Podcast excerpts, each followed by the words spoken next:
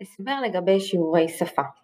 אז שיעורי השפה שלנו יתחילו השבוע בשעה תשע אה, לקבוצה הראשונה, תשע ועשרים לקבוצה השנייה ותשע ארבעים לקבוצה השלישית.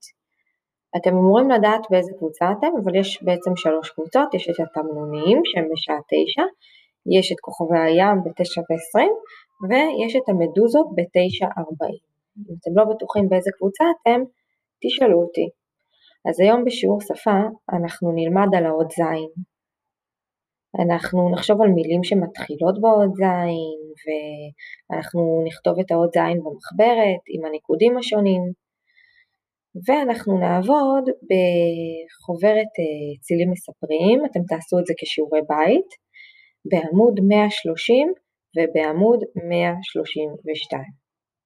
בעמוד 130 אתם צריכים בעצם לכתוב את האות ז', אוקיי?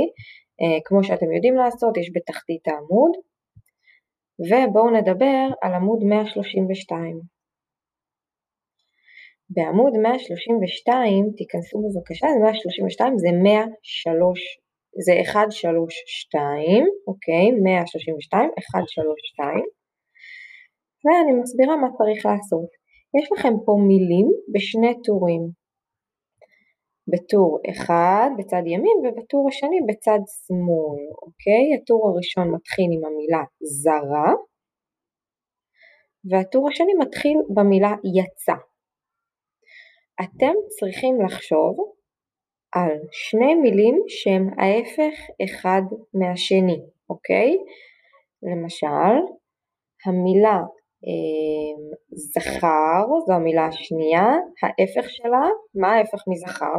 נכון מאוד, ההפך זה שכח. אתם צריכים למתוח קו בין המילה זכר למילה שכח. ומה עושים למטה בתרגיל מספר 6? אתם כותבים את המילה המתאימה לכל תמונה. אז יש לי פה זמר, אני כותבת זמר, אוקיי? אמ, זה מה שאתם עושים, אה, זה אלה שיעורי הבית שלכם בשפה, וכמובן אתם מוזמנים לראות את הסרטונים של תום וורדינון אה, על ידי לחיצה על תמונה שלהם. אז כדי כמובן להתחיל את השיעור צריך ללחוץ על התמונה של הזין, זין עם קמת זין פתח והתמונה של הזקן, זין בלי כלום, זין עם שבב והתמונה של הזבוב. נתראה.